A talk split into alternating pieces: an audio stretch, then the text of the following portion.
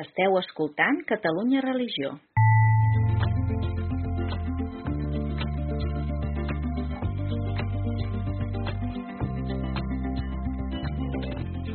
Converses en la frontera, un podcast de Gabriel Jaraba i Xavier Morlans.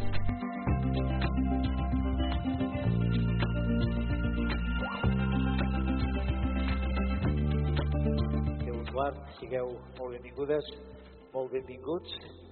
Aquest matí a les 8 hem obert el nostre hospital de campanya de Santana i han esmorzat 200 persones que estaven dormint al carrer o bé dintre un cotxe o en una nau industrial i s'han obert així mateix tots els serveis mèdics d'orientació laboral.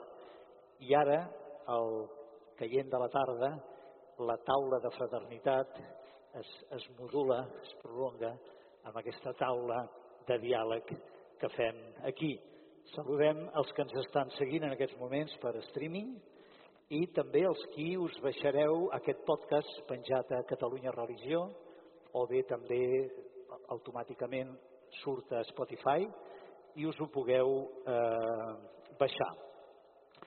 Eh, igualtat i fraternitat serà el tema, però com que amb el Gabriel i servidor tenim en comú, i penso que amb la majoria de vosaltres, una banda sonora sentimental, tenim el mestre Antoni Olaf Sabater, un aplaudiment, que el tenim aquest vespre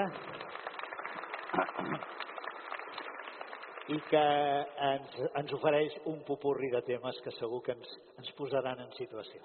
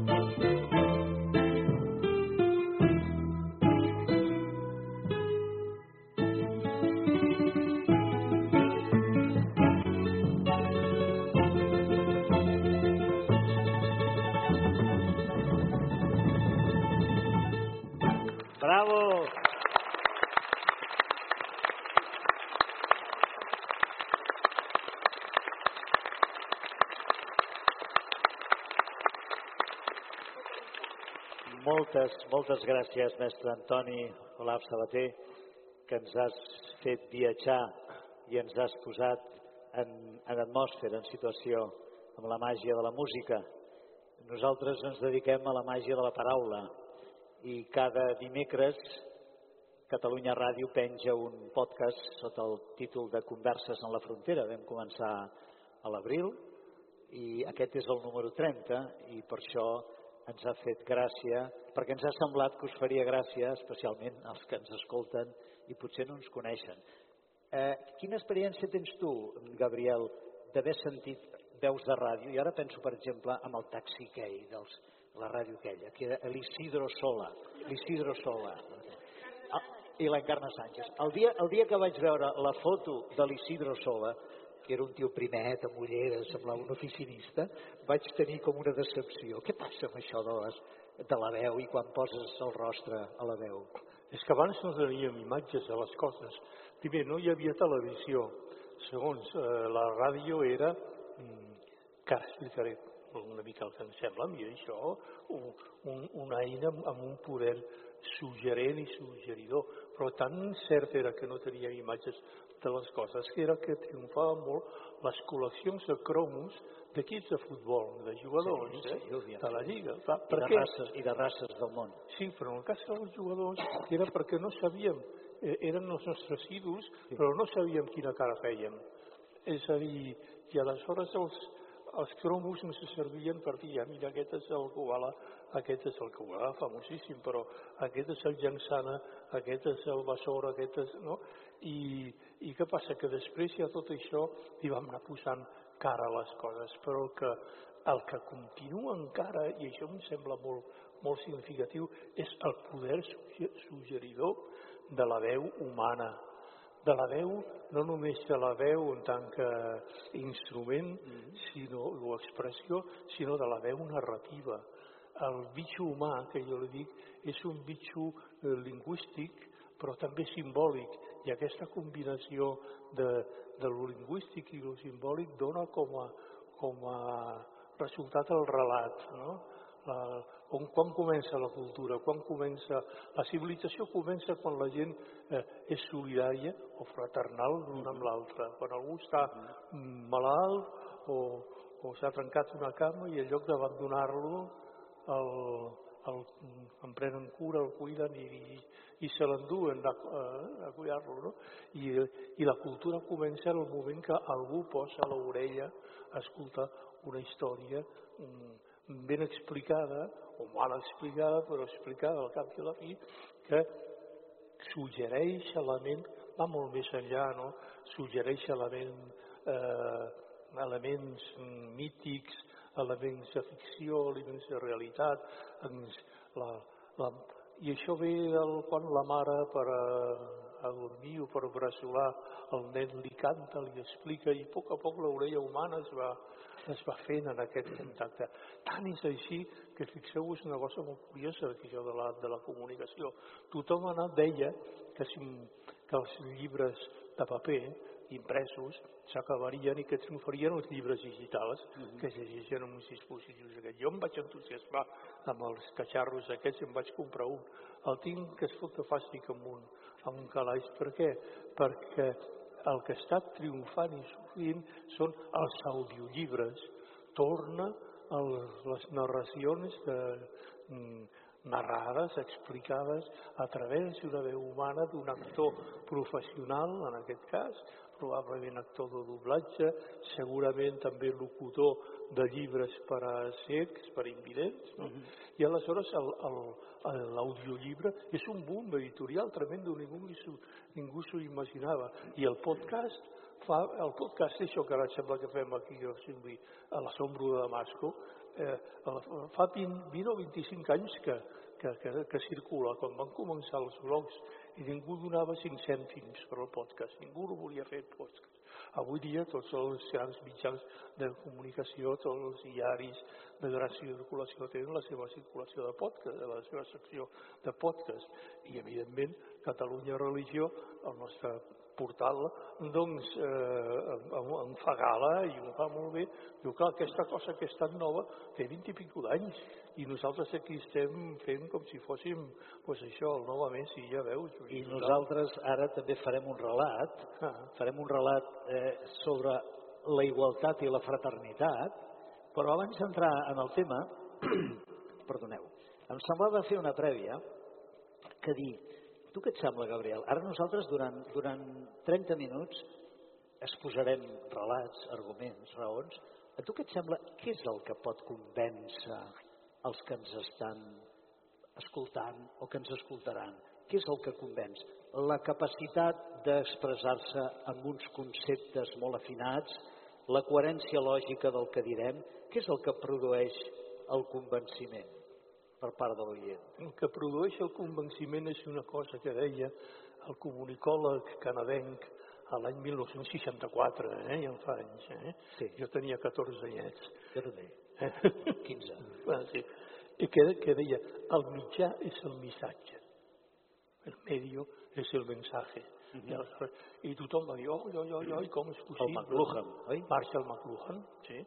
I, i tothom, ui, ui, que ha dit, que ha dit, no, ostres, eh, què vol dir que és el, el diari, el paper del diari, el diari imprès, el que és el missatge? No, no, no, eh, és que és la televisió el que constitueix el missatge.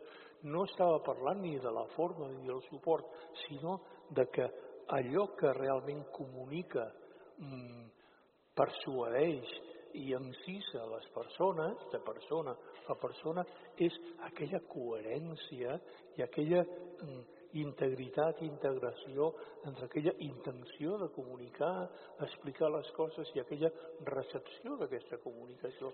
És la, la coherència d'un tot. La, la recepció de la comunicació jo l'entenc com la ressonància que provocarà sí. en vosaltres i en el radioients. Això ho dic perquè a mi això em deixa molt tranquil, suposo que tu també, de que la nostra...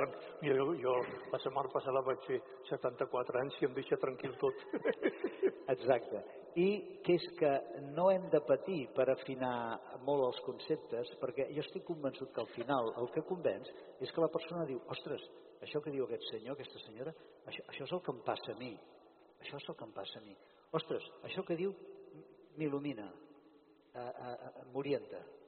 O sigui que no és tant la brillantor del discurs, sinó l'efecte que pot causar en, en l'oient perquè la manera com li ressona. Llavors nosaltres confiem no? que si fem aquesta música, confiem que, que ressonarà. O sigui, no, no, no intentarem polemitzar, sembla que no és el nostre estil, Clar. d'aquests podcasts, no? Clar. Mira, des que vam començar tu i jo gairebé un any a fer aquesta entremaliadura del podcast, no vam voler polemitzar ni convèncer ningú, sinó vam dir, tirem endavant, fem una cosa que ens vingui de gust de fer, per argumentar en veu alta i en públic coses doncs, que nosaltres, cada matí, cada tarda, jo agafava el telèfon, Xavier, sí, què passa, tal, o Ribes, Gabriel, què, no? I anaves discutint la, la jugada i es produïa i s'ha produït així aquest miracle de la comunicació humana, que és aquesta capacitat d'anar-se estenent, aquesta posada en comú d'aquells missatges eh, per mitjà d'un d'un mitjà que se ve el missatge. Jo ja m'he liat, jo no entenc. Vull dir que no depèn de la brillantor expositiva, Correcte. no depèn de la, de la, de la ni de la voluntat de convèncer, diríem. Ni de la voluntat de convèncer. Tot i que ens agrada portar sí, arguments. Sí, home, i... a veure, tinc en compte que el pecat, més, el pecat més gran de tots, per mi, el més gran de tots, és el pecat de voler tenir raó. I aleshores... Voler tenir tota la raó. Exacte, sí, sí. Mira, entrem en el tema eh, igualtat i fraternitat. Igualtat i fraternitat. I se m'acudia d'entrar pel tema eh, citant aquest llibre de Josep Maria Esquirol, és un dels grans filòsofs catalans, catalans vivents que tenim, que ha fet l'opció d'estar a Sant Joan de Mediona, baixa només per donar classe, per això el, el sentireu poc a les tertúlies, perquè es dedica a pensar i a escriure i fa una filosofia molt, molt planera i ell diu que una de les grans qüestions actuals, en el, en el món actual hi ha, hi ha dues metàfores, hi ha dues metàfores que expressen eh, la manera d'entendre què és l'ésser humà i la manera d'entendre què és la vida. És l'oceà i el desert. L'oceà i el desert. I ara jo pregunto, i què té a veure la igualtat i la fraternitat amb l'oceà i amb el desert? Per mi, égalité, liberté, fraternité, és, és l'eslògan de la Revolució Francesa, és d'on venim. La llibertat s'ha intentat fer tot el possible. La igualtat com a igualtat de drets i com a igualtat de condició humana em sembla que és un valor, però quan s'apela a la igualtat d'una manera que tot és igual a tot, ara estic portant el discurs ja al terreny filosòfic, si tot és igual a tot, si tots som com una gota d'aigua, la una igual a l'altra, que la seva felicitat serà fondre's en l'oceà. Aquesta és una, és una imatge, ho dic, ho dic en respecte per les persones que aquesta imatge els il·lumina, que és hegemònica en aquests moments en la majoria de... Quan el discurs s'enfila una mica, es fa una mica espiritual, eh? el Lluís Omar fent el Templo Vacío al Romer aquests dies, doncs quan aquesta idea de que sóc m'haig de buidar del meu jo, que això està bé, de rebaixar l'ego, però per fondre'm amb un mar de gotes, totes iguales, em sembla que aquí, si tot és igual a tot, és el no res. I aleshores passa una cosa, que la igualtat, que formava part d'aquesta divisa no només republicana, sinó democràtica, sense llibertat, igualtat i sense fraternitat, no hi ha democràcia, hi ha el Putin, per entendre'ns, eh? o hi ha el, el Bukele, o hi ha tots aquests... A veure, està, està així ple de, de candidats a dictadors. A dictadors. La igualtat és allò que diu aquesta persona que, és, que té la pell de color negre és igual en drets aquella persona que la té de color mm, tal.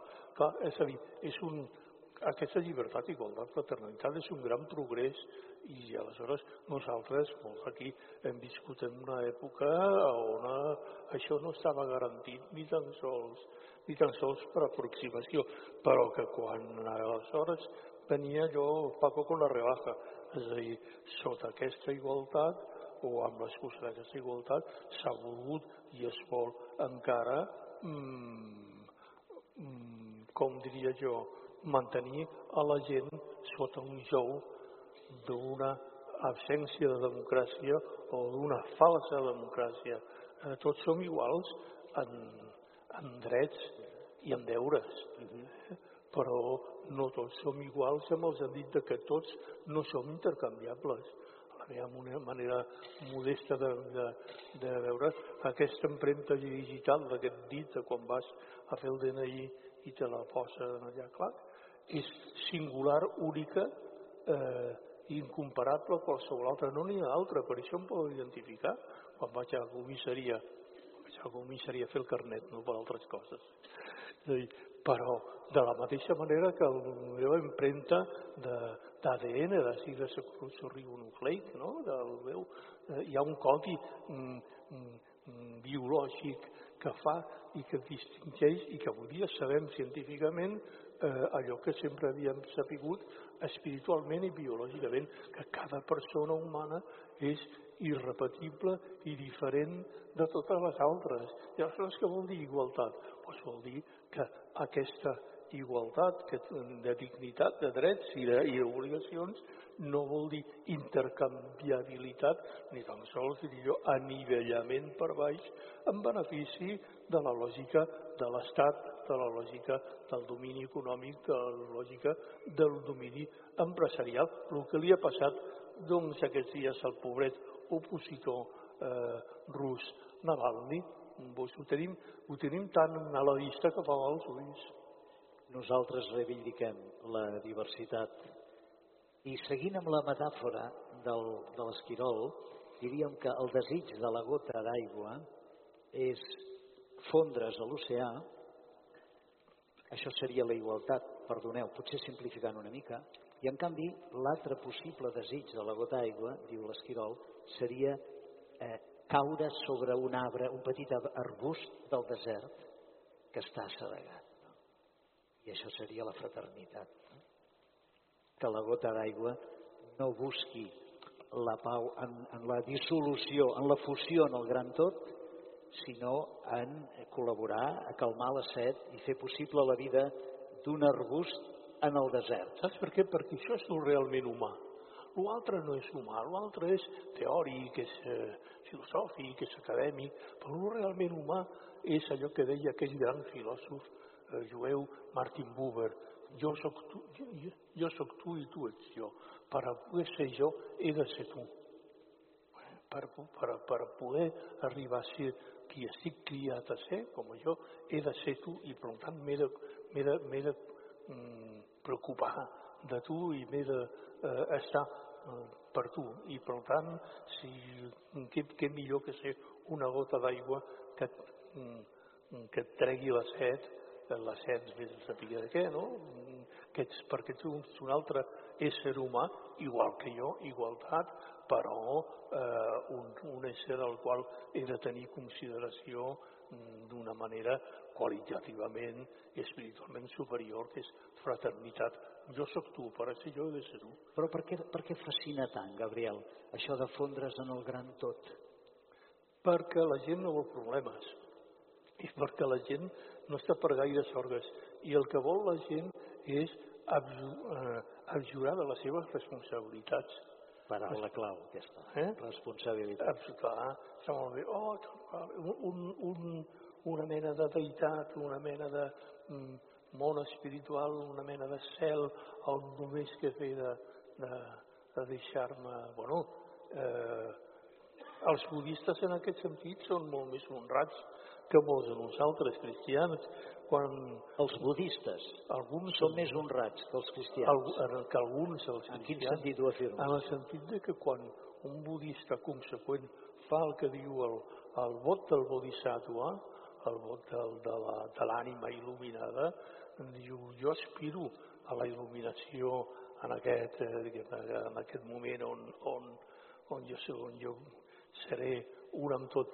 Diu, però jo no vull pas arribar-hi i a seguir fins que l'últim ésser sentint o sentient dels que hi ha sobre la capa de la terra i, i, i de vegades més enllà hagi estat també alliberat. I jo treballaré per aquest alliberament i per aquesta salvació de tots els éssers sensibles eh, fins que, diuen ells en la seva lògica, hagi escoltat eh, els milers de vides i de renaixements. O sigui, que viuen una fraternitat amb tota l'escala d'animals i, i vegetals, una mica com Francesc d'Assís. Clar, clar, i aleshores la idea aquesta és mm, jo, al capdavall, no, el que està en joc no és la meva salvació personal, sinó eh, la meva possibilitat de treballar perquè aquesta salvació, deixem parlar en llenguatge d'aquí, eh, eh, sigui mm, fefaent i efectiva per tots els éssers que tenen mare. No? És la manera que dic jo amb això. No? Eh, I això està molt bé, perquè no, no, no s'enganya ningú en aquest plantejament. A mi m'agrada molt tu, perquè tu ets un home que, que vens de l'esquerra, no? Havies sigut membre... Vinc i soc, soc. no m'he Havies, havies militat amb el, el PSUC, oi?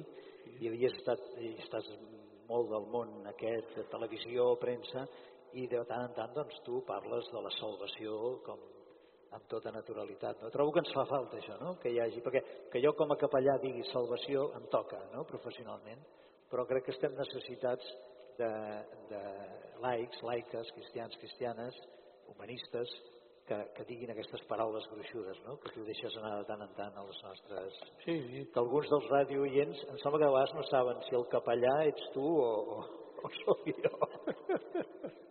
Però és molt fàcil. A veure, jo sóc un gos de carrer. Jo només sóc un, un gos. Ai, uau, uau, saps?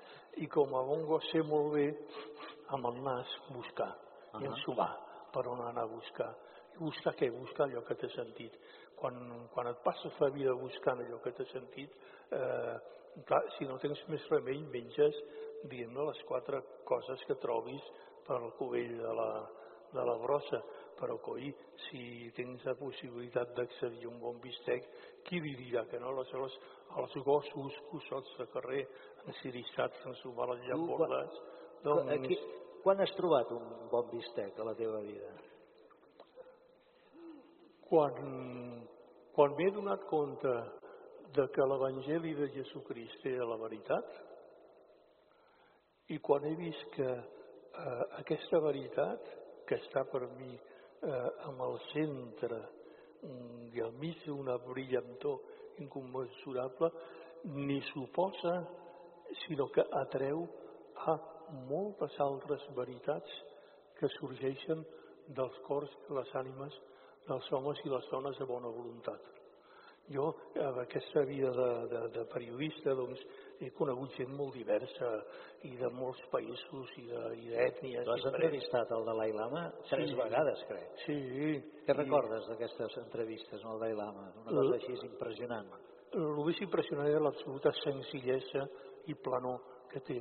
És a dir, i si tu fixes amb ell, estàs al davant a aquesta distància sí. i veus que la, la línia de la seva mirada no s'aixeca ni un centímetre per sobre de la teva mm, línia dels ulls.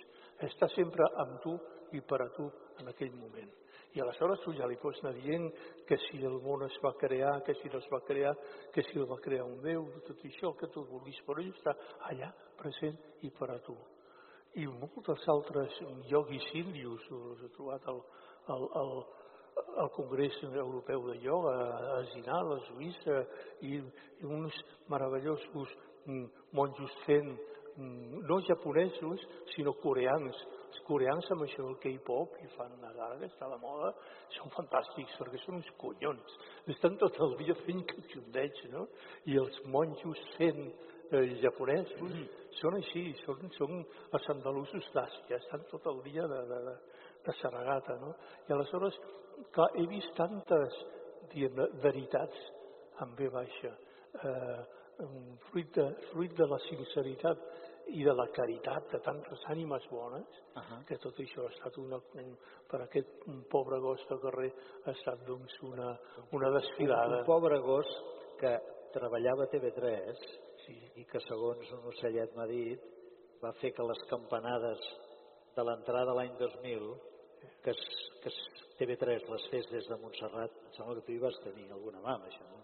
Home, m'ho vaig, invent, vaig inventar jo i m'ho vaig manegar perquè. I per què? Mm, perquè havia un monjo meravellós de, de Montserrat, que en aquell moment era el secretari del Parabat, el germà Joan Andreu Roja, avui dia personatge important al món acadèmic catòlic. Andreu Roja. Joan Andreu Roja. I era colombià, músic de jazz, sí, es va convertir futbolista, sí, sí, sí, i ara és un expert en, en religió i és el que ha muntat, si entreu al cinema espiritual, hi ha eh, 3.000 pel·lícules de totes les religions del món que es poden veure i que el Roig aquest. Llavors, en aquell moment el Roig era el secretari del Barabat. Sí, sí. I aleshores parlàvem amb ell i ho volem a tu. I diu, xe, a més jo havia estat a Colòmbia una temporada veient com anava allò de les, de les revolucions per allà, Mare de Déu del Carme, i, i, i, va, i sempre ens anàvem inventant eh, coses. I un dia em vam inventar, ostres, l'any 2000, l'any 2000, què, què farem? I aleshores jo estava a la direcció de programació de TV3, estava fent una feina molt fosca, molt, molt amagada, que no... Veure, de tant en tant treia el nas doncs, per la tertúlia dels, dels matins, Bon dia a Catalunya, treia el nas per un programa de la Maria Pau Huguet, anava a Catalunya Ràdio a les tertúlies, però la meva feina era diguem, intentar construir un discurs de televisió pública i democràtica. Aleshores, doncs, jo amb el meu eh, ordinador anava dient com hauria de ser la televisió de tothom i anava vestit i donant arguments per poder defensar i oferir tot allò que després doncs, algú s'ha dedicat a desmuntar eh, i, a, i a tirar per terra i a, i a, i a desfer. Dir, què hi farem? Les coses no sempre són... I, i, va, i vas trobar... I aleshores vam dir, eh, a l'any 2000, ostres, imagina't, i ens vam començar a inventar doncs tota una historieta, que si Montserrat, que si les camparades, una mena de, de petita llegenda per, de, de conte per explicar, perquè per treure aquesta sensació d'angoixa del canvi de mil·lenni, ens Mm. vindran unes desgràcies. Estàvem angoixats de si els ordinadors eh, Sí. es, es, es paralitzarien. tots. Imagina't, encara va més de pressa. Qui va presentar aquelles campanades? Ah, va ser L'Huguet? No, bueno, ara ja no recordo. Va ser una, va ser, va ser un treball, va ser un treball col·lectiu. Però el que era molt interessant era perquè introduïa un missatge d'esperança, d'alegria, de desig, de- de- de- d'un temps nou, que de cara al nou mil·lenni, doncs, eh, doncs volíem, volíem que, que et vingués, no? I, i, i així, i així, i així va ser. Sí, sí. I vas trobar algun bistec en aquesta operació? Sí, sí, em va ajudar a distingir quines eren eh, els filets que estaven en bon estat dels que no ho estaven. Bé, nosaltres reivindiquem la diferència, la singularitat. Si som germans i germanes, els que són de famílies com la Vicky i famílies numeroses, quants éreu vosaltres? Nou germans, nosaltres érem set, el germà gran està aquí, saludo, i eh, clar, cada germà és diferent. Són iguals en dignitat, però són diferents. Fins i tot els pares o les mares els tracten diferents, si un té més necessitat. No? Nosaltres ens apuntaríem a això, no? a, que a la humanitat, com aquí a Santana, no? els que són diferents, els que han tingut menys oportunitats, els que han hagut de venir amb una pastera, no? reivindiquem aquesta... Ara ens costa això, eh? Tots tenim un racista a dintre, eh? si som sincers. Sí, perquè sempre hi ha un moment en què arrufes el nas. Home, si et roben el mòbil a la Rambla, com jo diumenge passat, a mitja tarda, doncs Ah, eh, et ve el discurs. Bé, anem avançant. Anem avançant. I perquè hi hagi germans, i ara sí que entrem al terreny, ara ve allò del el circ, si estéssim al circ, ara hi ha redoble de tambor i hi ha salt mortal sense, sense xarxa, no? Perquè, perquè hi, hagi, hi ha germans, perquè hi ha pares que han engendrat, no? I mares. I mares, perdó, Sí. pares i mares. No, no ho dic perquè si no, no sóc partidari del llenguatge inclusiu, eh? perquè el llenguatge inclusiu doncs, converteix en una mena, diguem-ne, de slang, diguem-ne, de, de llengua de, que, que en lloc d'integrar exclou, perquè el fan només per aquells que siguin partidaris allò. No? Jo, mm, per mi em fa molta gràcia el dels pares i les mares mm, i la importància de que hi hagi pares i mares, perquè si tu et fixes mm, dintre de la, de la gran quantitat de llocs on, on eh, es, passa, mm, es pateix necessitat i gana i allò que dèiem el tercer món, que Sí. jo crec que va molt més enllà, mm, dius, hi ha, un, hi ha un motiu constant, hi ha un leitmotiv d'allà on les coses van maldades i sobretot amb criatures, que és la manca d'un pare. Sigui un suburbi de Nova York, sigui un petit llogarret a, a l'Àfrica subdesenvolupada, sigui en un suburbi de no sé quina ciutat d'Europa, i dius, què passa? Que sempre hi ha hagut un pare que ha fotut al camp. I dius, ostres, una família amb nens, amb mares, però i el pare on és? I és la mare la que, la que ha tirat Ah, endavant. clar, i el pare, i el pare s'ha fet fonadís, i el pare, i dius, ostres, tant que quan érem joves i progrés criticàvem el patriarcat, eh?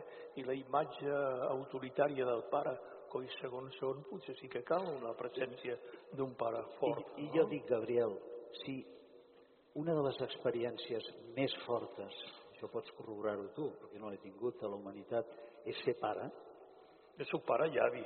pare i avi. Sí.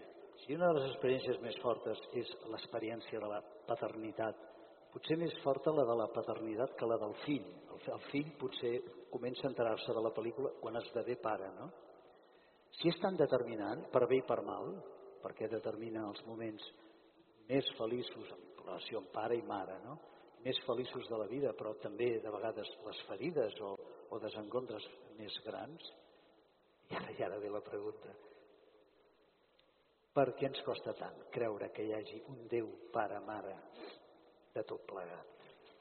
Per què ens costa tant creure que això, el perquè de tot plegat, és que és una gran aventura, d'una gran experiència de paternitat-maternitat que ha engendrat uns fills i filles lliures perquè el busquin lliurement, perquè construeixin un món de germans.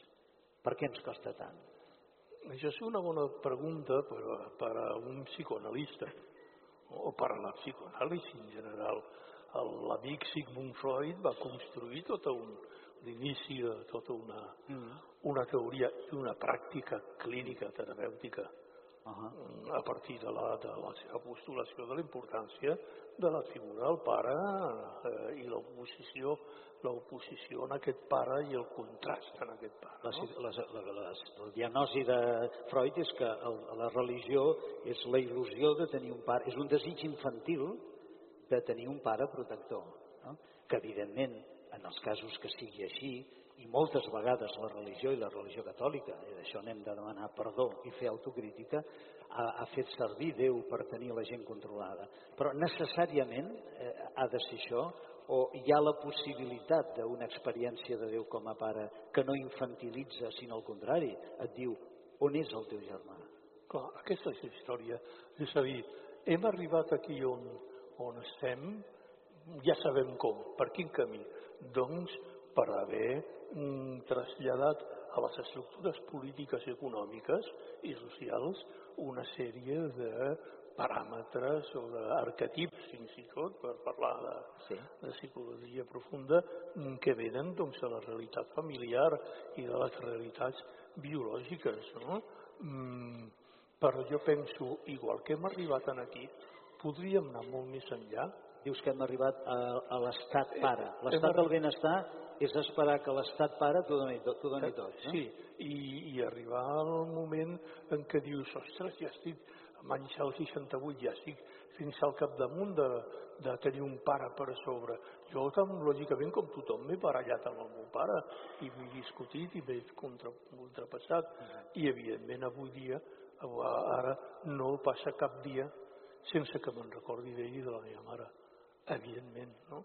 Dius, ostres, eh, què passa? Passa que la història, si és que és alguna cosa, sempre corre cap endavant i sempre tira cap a mm, noves possibilitats. Per què? A causa de què? De la llibertat humana. I per què no aquesta imatge i concepte i interiorització d'aquest pare com a figura autoritària, opressiva, no es pot convertir en una altra cosa. Igual que nosaltres hem convertit eh, el treball en una eh, d'esclavatge, de, de, tripalium, un sistema de, de tortura, els romans, amb una font de realització, perquè no podem convertir el pare com a gran dominador opressiu amb una font també d'alliberament. Tu creus que és possible jo que una que generació que vam tenir pares autoritaris, sí. Que ens vam alliberar de la figura paterna al maig sí. del 68, sí. però que després, els que heu esdevingut pares, heu, heu pogut metabolitzar aquesta experiència. Tu creus que aquesta generació eh, pot reconciliar-se amb, amb la idea de Déu Pare? No sé si aquesta, però les futures, si no van malament les coses, sí. Per què? Perquè caldran pares diferents i perquè caldrà exercir i practicar i posar en marxa una fraternitat diferent. Serem o seran uns nous germans els que portaran una nova figura paterna que, que necessitem. M'explico? Nosaltres sempre en les nostres converses anem acabant per donar la paraula al públic i després la sorpresa final. Em sembla que sempre amb això som molt honestos, de que sempre reivindiquem la dignitat de l'ateisme conseqüent. Aquí, en aquesta tarima, hi han passat el Josep Ramoneda, la Pilar Rahola, aquí on estàs assegut tu, i, eh, eh, i, ens, una amiga meva, eh? i ens hem posat molt d'acord, eh, i és una de les meves eh, vocacions o missions, entenc, amb altra gent, de, de, de fer aquest, aquest acord, no? de dir, eh, hi ha una gran dignitat, Albert Camus, l'ateu conseqüent, i que diu encara que no hi hagi recompensa en l'altra vida, encara que no hi hagi Déu, jo lluitaré sempre a favor de l'home, fins i tot contra les ideologies, siguin ideologies capitalistes o comunistes, les, les ideologies que oprimeixen l'ésser humà, no? i per tant aquí hi ha una gran dignitat. Ara, nosaltres també reivindiquem la dignitat intel·lectual d'uns cristians eh, mentre, mentre també donem eh, el callo, no? com, com intentem fer aquí, aquí, aquí a Santa Ana. Clar, i aquí ve quan la gent em diu que sóc burro. Que som burros? Que, que sóc burro, no? Ah, que tu ets burro. Sí, clar, perquè... Quan t'ho diuen, això? Uh, quan em confesso com a creient catòlic. Ah. I aleshores jo els dic, escolta, m'has mirat bé?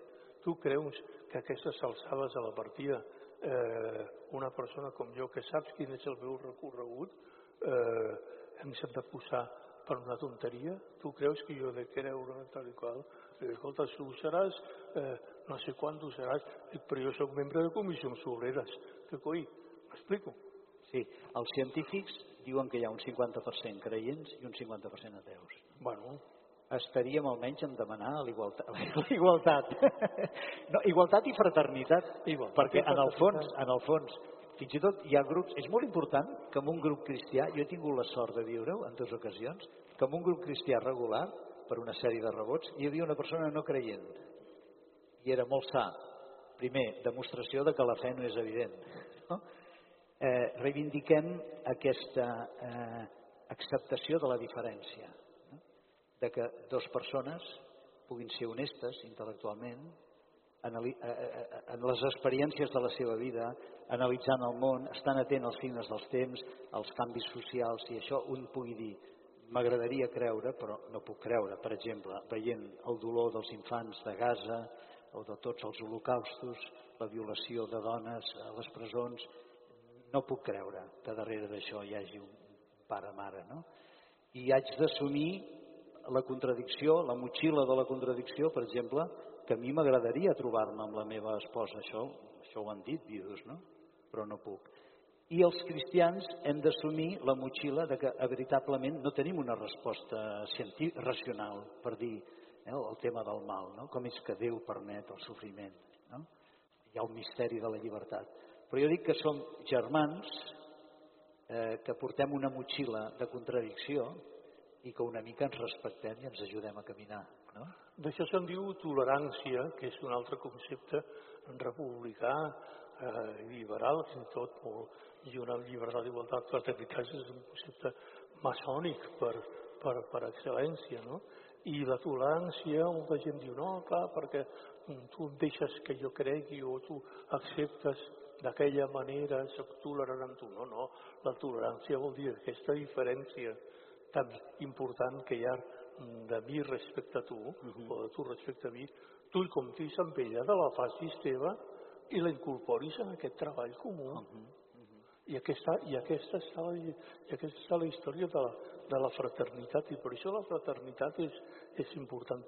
Tenim a la memòria al segle XIX, quan, quan la gent començava a donar-se que això del capitalisme era un mal negoci, i valgui la redundància, eh, les primeres agrupacions populars obreres en forma de cooperatives de consum o de treball es deien, eh, per exemple, al carrer mm, Baix de Sant Pere, Germanó Barcelonida, per exemple, Sí, sí. o a Sant Andreu, a Sant Andreu eh, la formiga martinenca. No? És a dir, però el nom de la fraternitat sortia molt en aquestes, en aquestes menes de, de, Associacions cooperatives. El símbol de la UGT, la Unió General de Treballadors, és un, dues mans encaixant no? un símbol de la, de la trobada, de l'acceptació mútua, del, del reconeixement mutu, per tant, de la tolerància. És a dir, nosaltres ja feien gairebé dos segles que sabíem perfectament de què anava aquesta història. És que després ens hem liat. I per tant, eh, per aclarir conceptes que t'ajuden, no?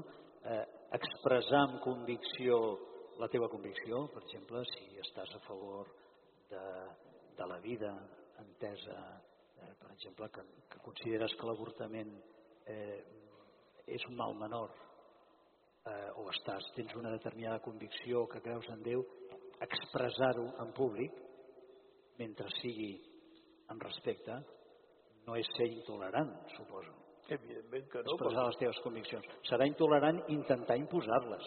Intentar imposar-les per la força física o fins i tot per la força lògica. Exacte, per la És el que hem quedat lògica. que nosaltres no volíem fer. Exacte. És a dir, la tolerància té molt camí a recórrer com a concepte de cara al temps, al temps que venen. Jo, en- cada estiu, a la meva universitat, que és l'Autònoma, eh, venen, fem una mena de cursos d'estiu en comunicació i en altres qüestions amb alumnes egipcis. Venen de la, de la Universitat del Cairo, eh, venen també de la Universitat d'Alexandria i amb tots ells, doncs, bueno, i a mi em toca doncs, fer classe perquè sóc dels que poden donar classe en anglès doncs, durant A veure, no hem fet, perdona, no hem fet les presentacions, però el periodista d'Esquerra i tal eh, va acabar sent doctor en Ciències de la Comunicació amb una, tesi, amb una tesi sobre el llenguatge a Twitter, no? Llenguatge Sí, sí, a sí, Twitter. sí, sí. Bueno, és que saps que els gossos ens caracteritzem per, per arrossegar fons i molt, per, hi ha molta durada al, als ossos.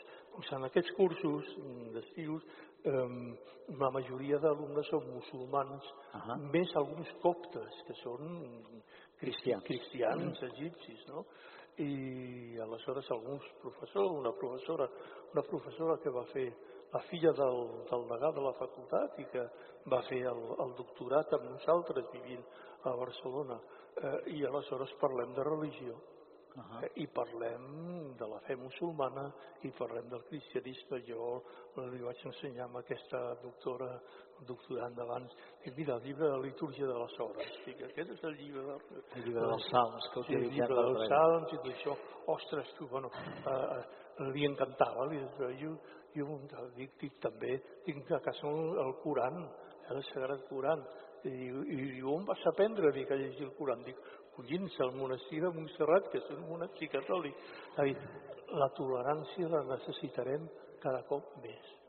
Amics, ens hi passaríem tota la nit, però em sembla que és el moment de passar el micro per no monopolitzar tant. El nostre amic eh, Josep Costa eh, tindrà el micro inalàmbric que li dona el Santi i llavors si voleu fer-nos alguna pregunta o demanar que precisem alguna de les coses que hem dit o voleu expressar breument, perquè esclar, no, no podeu fer una altra conferència o una altra xerrada, eh, un, doncs això creiem en el diàleg, de la mateixa manera amb, amb la frescor que ho fem, doncs donem la possibilitat ni que sigui de dir doncs, o una cosa que us, ha, que us ha agradat, o una cosa que us ha ressonat, o una cosa que no esteu d'acord, bueno, doncs és aquest moment. Només que digueu el nom, només que digueu el nom de pila, eh? I, i, i ja està. Acosteu-vos bé el micro a la boca. Hola, bona tarda. Jo em dic Terri i sóc creient i crec en un pare i en una mare que m'han creat. Però com a bon pare, jo penso, és la meva opinió, eh, penso que com a bon pare i bona mare ha de deixar que el seu fill mm, flueixi del lliure albedriu. Això és una arma de doble fil. El lliure arbitri. Libre albedrío. Libre albedrío en castellano, lliure albir Bueno, en català. en català, exactament.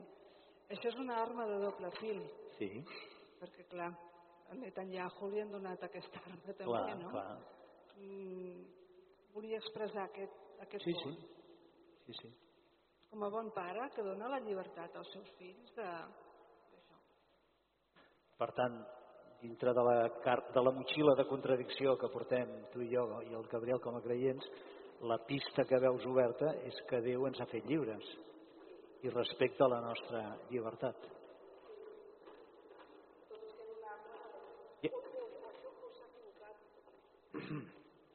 Sembla que les forces del mal s'hi estan posant per aquí. Millor que apagueu els, els mòbils, no hem pensat a dir-ho. Eh, podeu intervenir com, com la Terri simplement per expressar una, una pregunta o una, una contradicció que ens toca carregar, no? També ens, ens ajuda sentir, no, Gabriel? Eh, les converses d'amics moltes vegades no són de donar solucions, són d'expressar eh, perplexitats. Què més? Qui més s'anima?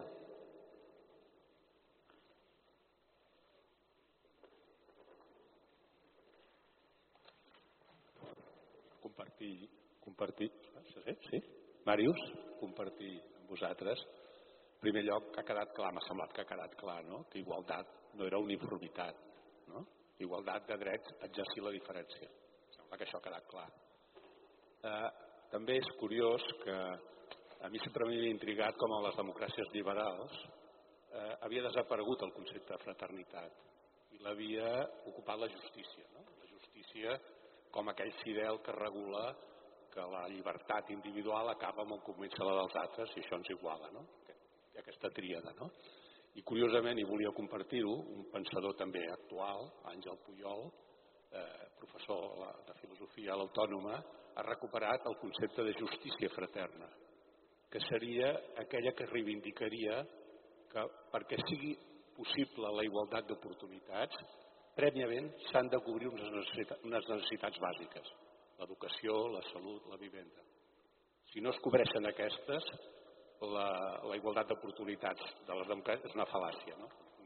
Potser he baixat una mica el terreny no, no. profà, però jo crec que se diu bastant amb el que heu dit. És dir, jo crec que el concepte de fraternitat s'ha de reivindicar, tant en el sentit laic com en l'espiritual, perquè uneix moltes coses. I aquesta aportació meva volia ser una aportació més des del carrer, des de...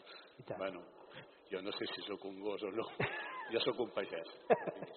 Molt, moltes gràcies, Màrius, molt, molt interessant i a més a més citant un autor, Àngel Pujol, Puyol, Puyol, com, com el del Barça. Molt bé. Aquí la Vicky vol intervenir, ja ho veieu, eh? Es pot... Vicky Molins. Eh, a veure, aclariu-me una cosa o... o... O desapareixeu. Sí, fraternitat i humanisme. A veure, jo estic molt amic, molts amics, i quan dic amic no és que eh, tota la gent l'estimo, de, de, però amic és una cosa diferent. Tinc amics que són, no són creients, però costaria molt ser amic si no és humanista. Eh?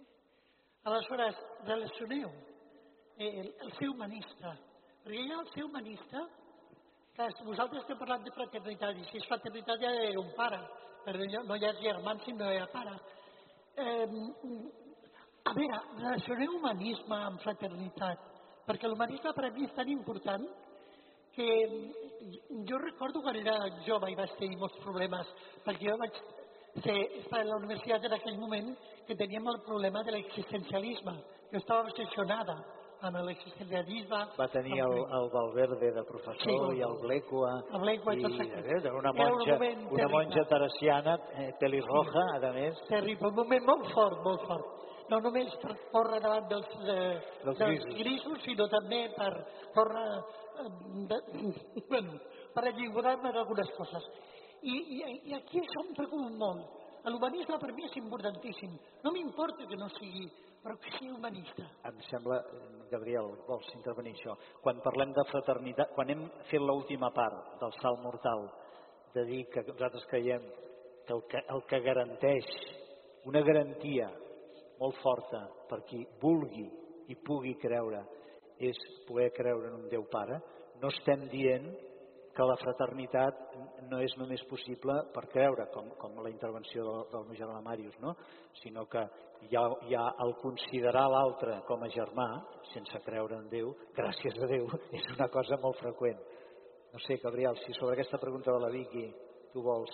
Però la pregunta quina era? La pregunta era que semblava que deia que ella el que li importa és sobretot que l'altra persona sigui humana. Ah, Encara humanista. Eh, perquè semblaria que segons la teva apreciació o fruit de la xerrada nostra, la paraula fraternitat ha quedat segrestada pel cristianisme. Bueno, i perquè si hi ha, si hi ha fraternitat ha d'haver un pare. No? Bueno, Espera, espera, perquè puguin sentir els de Vegas i els de, i els de Berga, has de parlar per aquí. Ah, clar.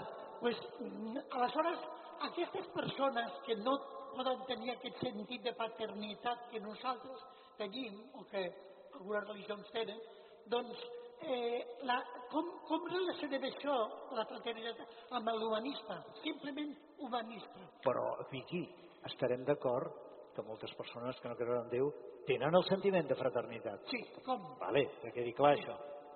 Eh? per a l'humanisme. Clar, ja està, no? T'has, en certa manera t'has respost. Vols afegir alguna cosa, Gabriel? Sí, a veure, eh, jo estic convençut de que anem cap a un temps, aquest temps en què necessitarem un nou concepte de, de, de paternitat per accedir al nou concepte necessari de fraternitat, eh, on les coses s'hauran de canviar molt i que aquesta mm, caracterització d'humanisme com a constituent central de la condició humana és indefugible. Per què? Perquè, veure, mm, perquè aquesta fraternitat a la qual aspirem no és cap altra que considerar que tot el gènere humà és una sola família. Eh, hi ha una sola humanitat, una sola humanitat. I aquesta idea ve no només del cristianisme, sinó que ve de les tradicions liberals republicanes laiques, eh, dels moviments espirituals disconformes del segle XIX i abans la teosofia i diversos derivats que avui dia repareixen en diverses formes, però mm, la, la interacció entre aquesta mena de dissidències i les ideologies més mm, posades en ordre avui dia és molt més rica i freqüent. L'Església, per exemple, sembla que estigui resolvent un conflicte històric i centenari amb la francmaçoneria. Uh -huh. Fratelli tutti. Fratelli, Fratelli tutti, tutti, la- l'encíclica de- de, del cardenal Gianfranco Ravasi, no? Dius, ostres, eh, avui estar al mig d'una església tan significada i significativa com aquesta, parlant de llibertat, igualtat i fraternitat, eh, Lluís Recoll, ja, a mi em fotran fora de la meva lògia, per dir-ho d'alguna manera, no? Dius, i, i estem anant eh, a un lloc on eh, hem d'afrontar d'una cosa d'una sola vegada, que és, eh, i que és ara que ho hem de fer, trencar en aquestes barreres divisòries entre els uns i els altres, nosaltres i ells, no només els negres i els blancs i els rics i els pobres, sinó tot allò que fa que pensi que un altre és Dretes humà, i esquerres. dretes i esquerra, per descomptat, eh, tot allò que, que entre els éssers humans no hi ha ni pot haver-hi cap Pots diferència. discrepar, Eh? pots discrepar políticament, però no vol dir que sigui un, un enemic a liquidar, No, sinó clar. que és un germà que la vida l'ha portat a pensar diferent de tu. sense el, i sense el qual jo no puc fer-hi res ni sóc ningú, perquè per a ser jo he de ser Necessitem l'altre. tu. És una cosa molt curiosa això, és a dir, eh, l'himne de la Internacional, que és Sí. l'himne de la, de la Internacional Socialista i Comunista, eh, diu eh, el, agrupem-nos tots plegats eh, En la lluita final, que al final agrupem-nos germans. germans dir, del gènere humà, que eh, el gènere humà és la internacional. Allí Ahà. està tot condensat, però aquesta apel·lació als germans eh, em sembla fonamental. I en aquí ve el que ha dit el Màrius de la justícia. A mi, quan, per, ah, perdó mm, per el que diré, però no anava per el que tu has dit, que he entès el sentit. A mi, quan parlen de justícia, dic, alto, perquè quan algú em parla de justícia, de justícia el que em vol parlar és de venjança. per això ella ha dit justícia fraterna. Ah, aquí està. Però es diu, no, en pro de la justícia serem justos. Malament aquí em poden portar eh, cap a un lloc on no I ara, tenim. I ara tenim quan la música es fa paraula, també. Si em permeteu, si puc parlar d'escenari amb escenari directament. Sí, eh, és molt breu, és formal. És una pregunta eh, amb dos, i però fent eh, al·lusió a una paraula que ha insistit molt en Gabriel, que és la tolerància. És una paraula que particularment mai m'ha agradat massa, perquè sona una mica allò que en diuen en castellà ajo y agua. Volia dir, hi pot haver una altra paraula que sigui molt més rica i molt més eh, deixar passar, bueno, deixo passar tot això i fiques tolerància, tingues la, la màniga ampla, vinga, no sé què, però que acaba sent útil perquè la cosa sempre acaba en confrontació. Ha una paraula encara més positiva? Gràcies. Bona. Queda clar el que no ha de ser, que és jo tolero que tu pensis diferent, però jo tinc tota la raó. I en aquest sentit, aprofito que ho ha dit el Gabriel, i ho he dit, en un grup creient de pregària, li fa molt de bé que hi hagi un no creient que accepti estar i compartir i fer la seva reflexió, no? I crec que en aquest món nou que va hem de ser capaços de conviure, d'enriquir-nos, d'experimentar la reciprocitat que de tothom n'aprendrem. Jo, jo me'n vaig amb uns deures. No em, ve, no em ve a la paraula. No sé si... Tu, eh... Gabriel. Eh, no. no respecte, perquè... respecte... No, és que no és el mateix. Tolerància és precisament això que li sap greu a l'Antoni justament l'avantatge.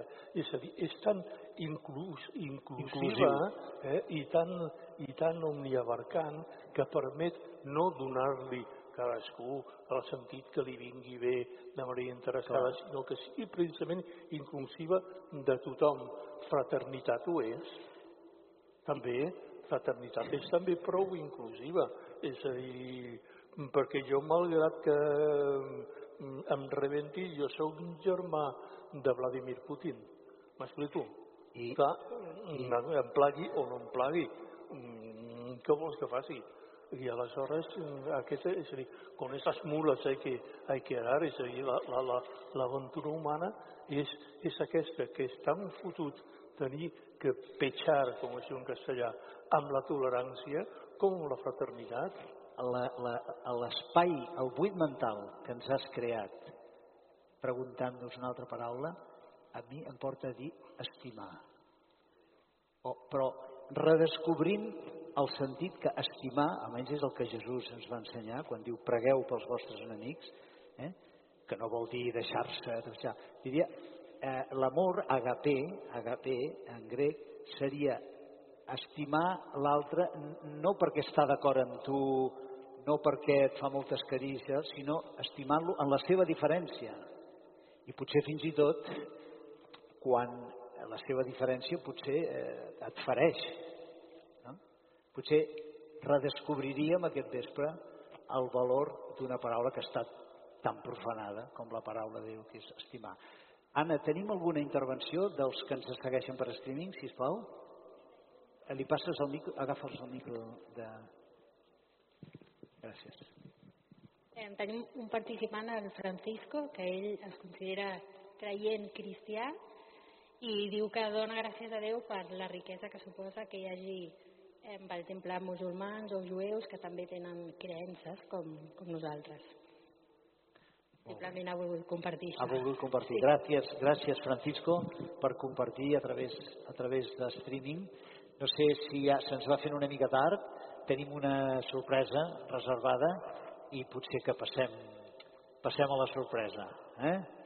Doncs eh, res, aquí ara ens transformem, oi?, amb l'ajuda del Davo i de seguida això funcionarà a la mar de bé. Per,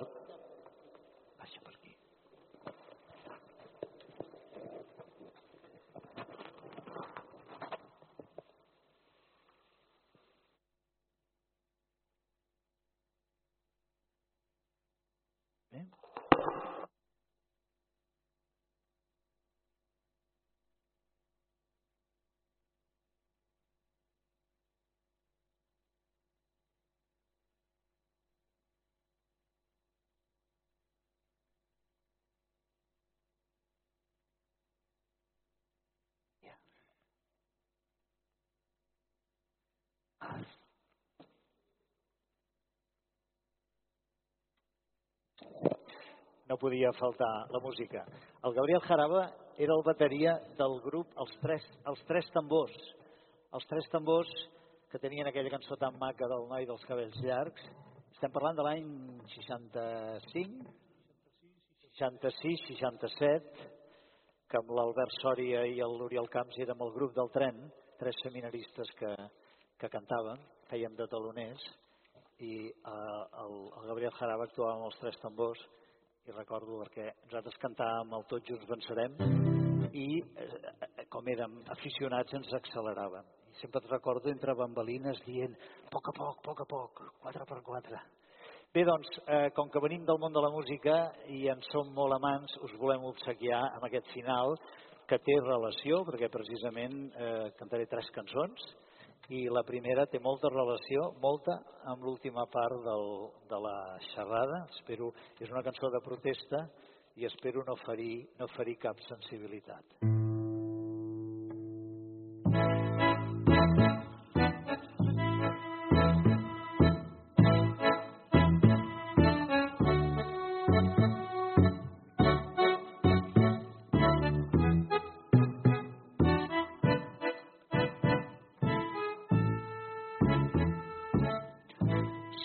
Tothom arreu té un pare, per anònim que sigui encara, perquè no puc dir pare, mirant la volta del cel. Si el meu fill amb un somriure em compensa l'esforç de viure,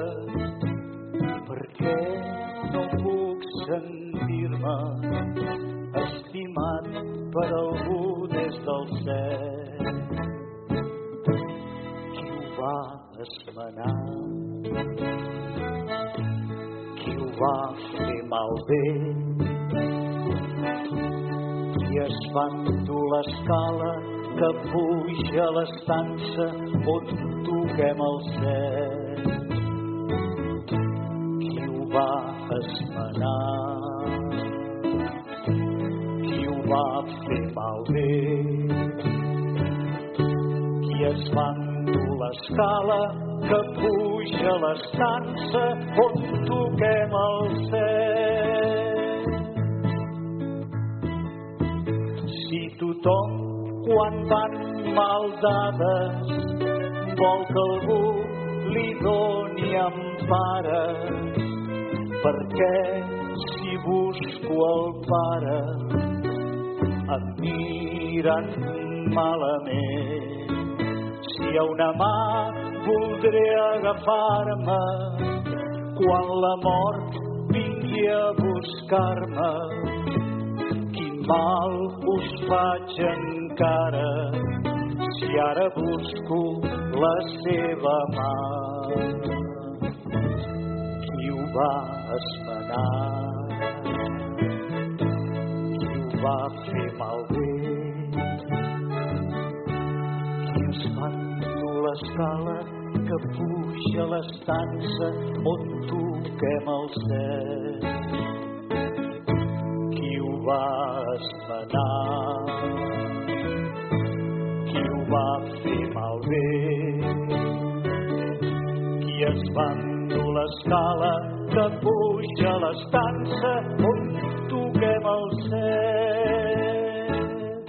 Com ningú no ha vist el pare, com ningú no ha vist cap Déu, el pare ens enviava el fill que té a prop seu.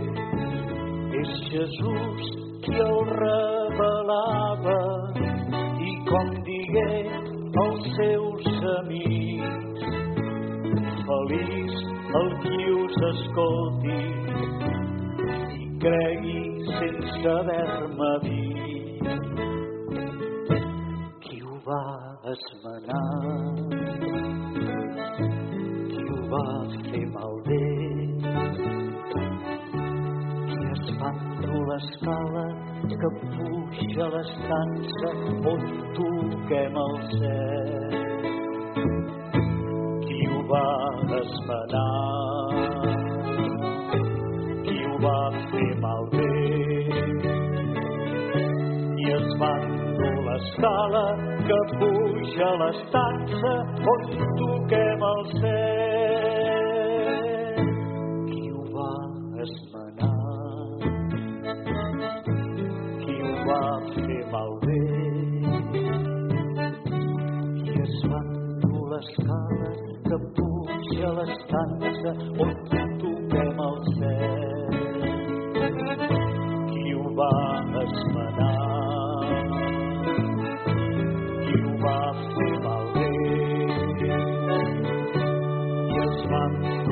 sala repuja les taxes on toquem el.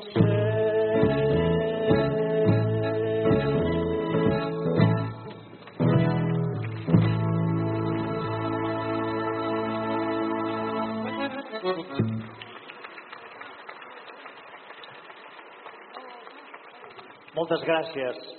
És un plaer poder cantar amb tots vosaltres poder estar també sonoritzat pel Santi Gaeta i poder estar acompanyat pel mestre Olaf Sabater i pel Gabriel Jaraba, que m'ha confessat que feia 20 anys que no es posava la bateria des d'una trobada del, del grup de folk a Santa Maria de Palau d'Ordera, nosaltres som veïnars, que impressionant.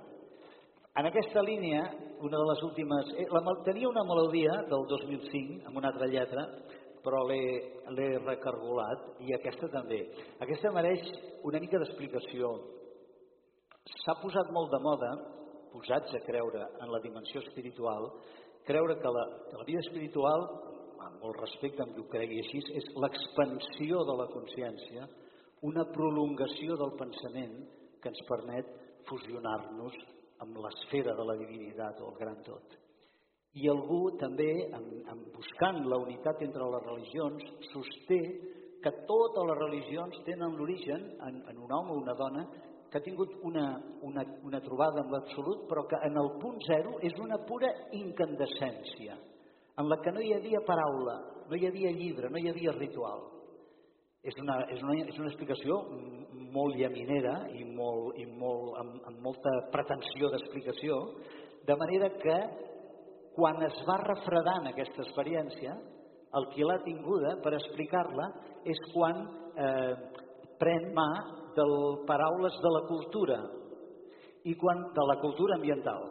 Això explicaria les diferències de les religions. I quan l'experiència es va refredant més, necessita crear rituals que li permetin eh, reviure aquell moment d'incandescència. És una teoria molt, molt potent, però que un estudiós de les ciències, de la, de l'estudi de, de les religions comparades, com era Lluís Duc, un monjo de Montserrat i un home que no es caracteritzava pas per ser dogmàtic ni conservador, es discutia amb un d'aquests que, que feien aquesta, aquesta proposta dient eh, on hi ha experiència humana hi ha paraula. On hi ha experiència humana hi ha paraula. Per tant, des del moment zero hi ha paraula. I el que els estudiosos ens trobem són paraules sagrades diferents, llibres diferents. Bíblia, el Corà, que sigui. Llavors, a partir d'aquí, a partir de la diferència, d'acceptar la diferència, podem buscar similituds, semblances.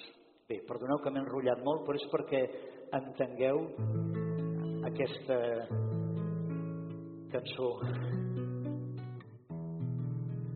Com t'estimaries més la meva presència com un gran pensament o una incandescència.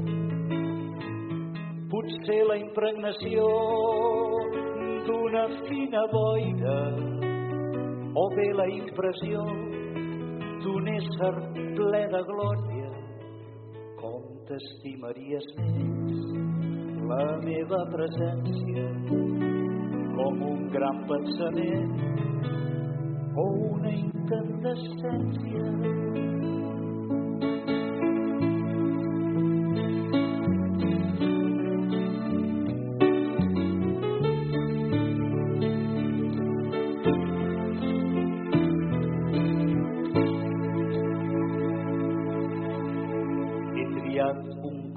com el teu. He nascut d'una dona, jugat pel teu carrer, xiulant-hi alguna estona. Sé prou el que és guanyar el pa de mica en mica. Sé el que és tenir amics i traïdors amb malícia. El calze jo he begut fins a l'última gota per tu sempre he sigut amor que no s'esgota.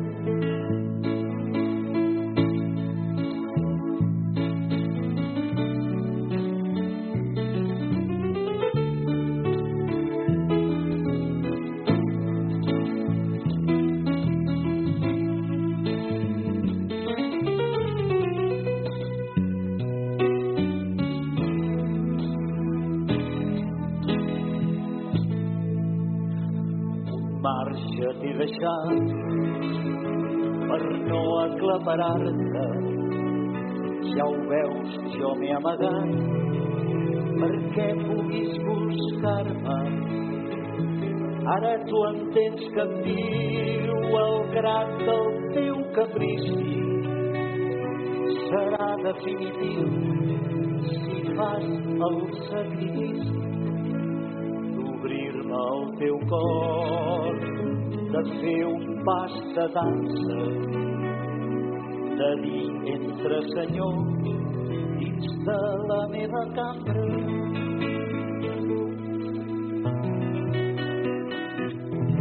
Com t'estimaries més la meva presència com un gran pensament o una incandescència. Tindràs per sempre més unes humils paraules, un vi i un pa calent i bons germans a taula i un món desballestat que escup milions de pobres i jo ben amagat el cor d'un sense sostre.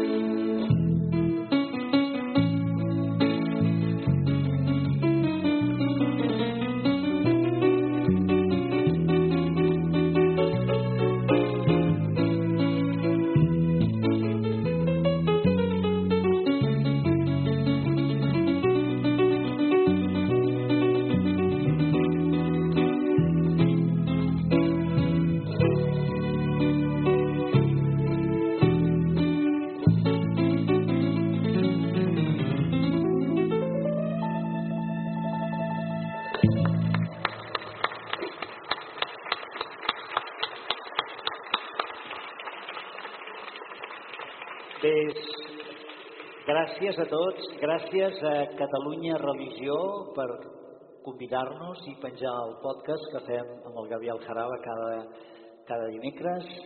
Eh, gràcies a les entitats que donen suport a aquests actes de l'Hospital de Campanya, la Tribuna Joan Carrera, els eh, grups Sant Jordi, la Lliga Espiritual de la Mare Déu de Montserrat, Gràcies, Santi Gaeta, que fa el so, la llum, l'streaming i tot. Un fort aplaudiment.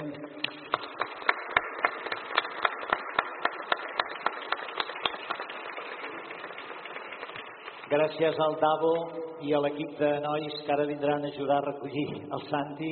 Gràcies, Anna Sué Castanyer, que s'estrena en tasques de producció, que estic superagraït i no cal dir-ho. Gràcies, mestre Olaf Sabater i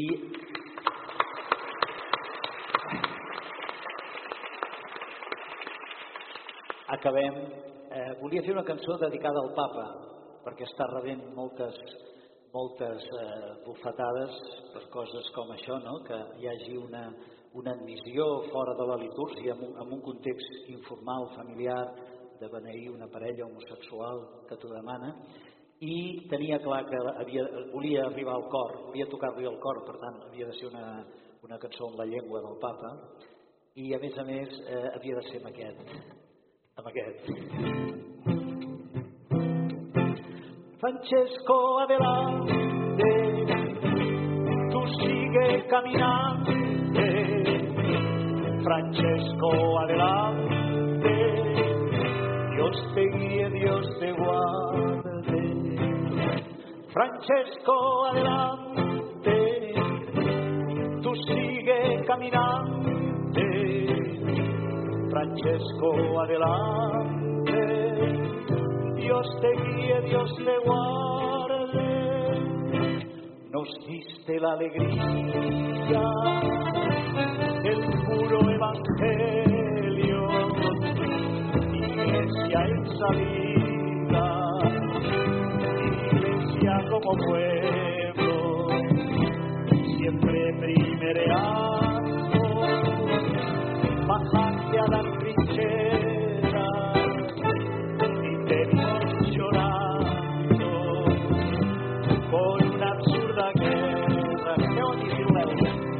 Francesco, adelante, tú sigue caminando. Francesco,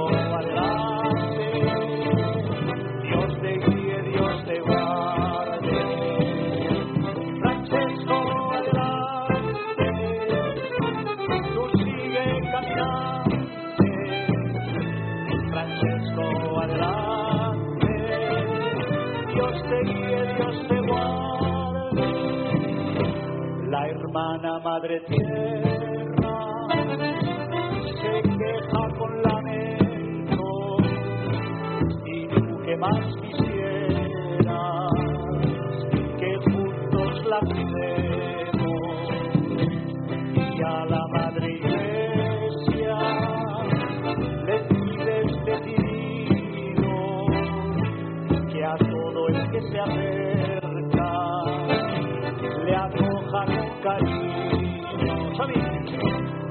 Francisco adelante, tú sigues caminando, Francisco adelante, Dios te guíe, Dios te guarde, Francisco adelante, tú sigues caminando, Francisco adelante, Dios te guíe.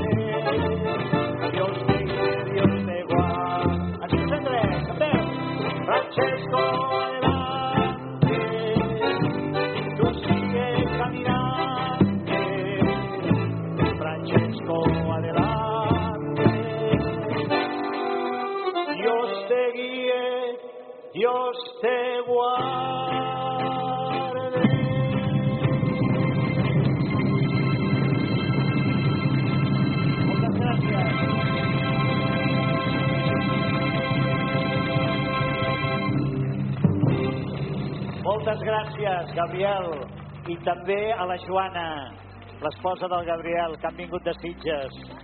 Una tarda magnífica. Ens despedim de tots els que ens hem comunicat. Gràcies.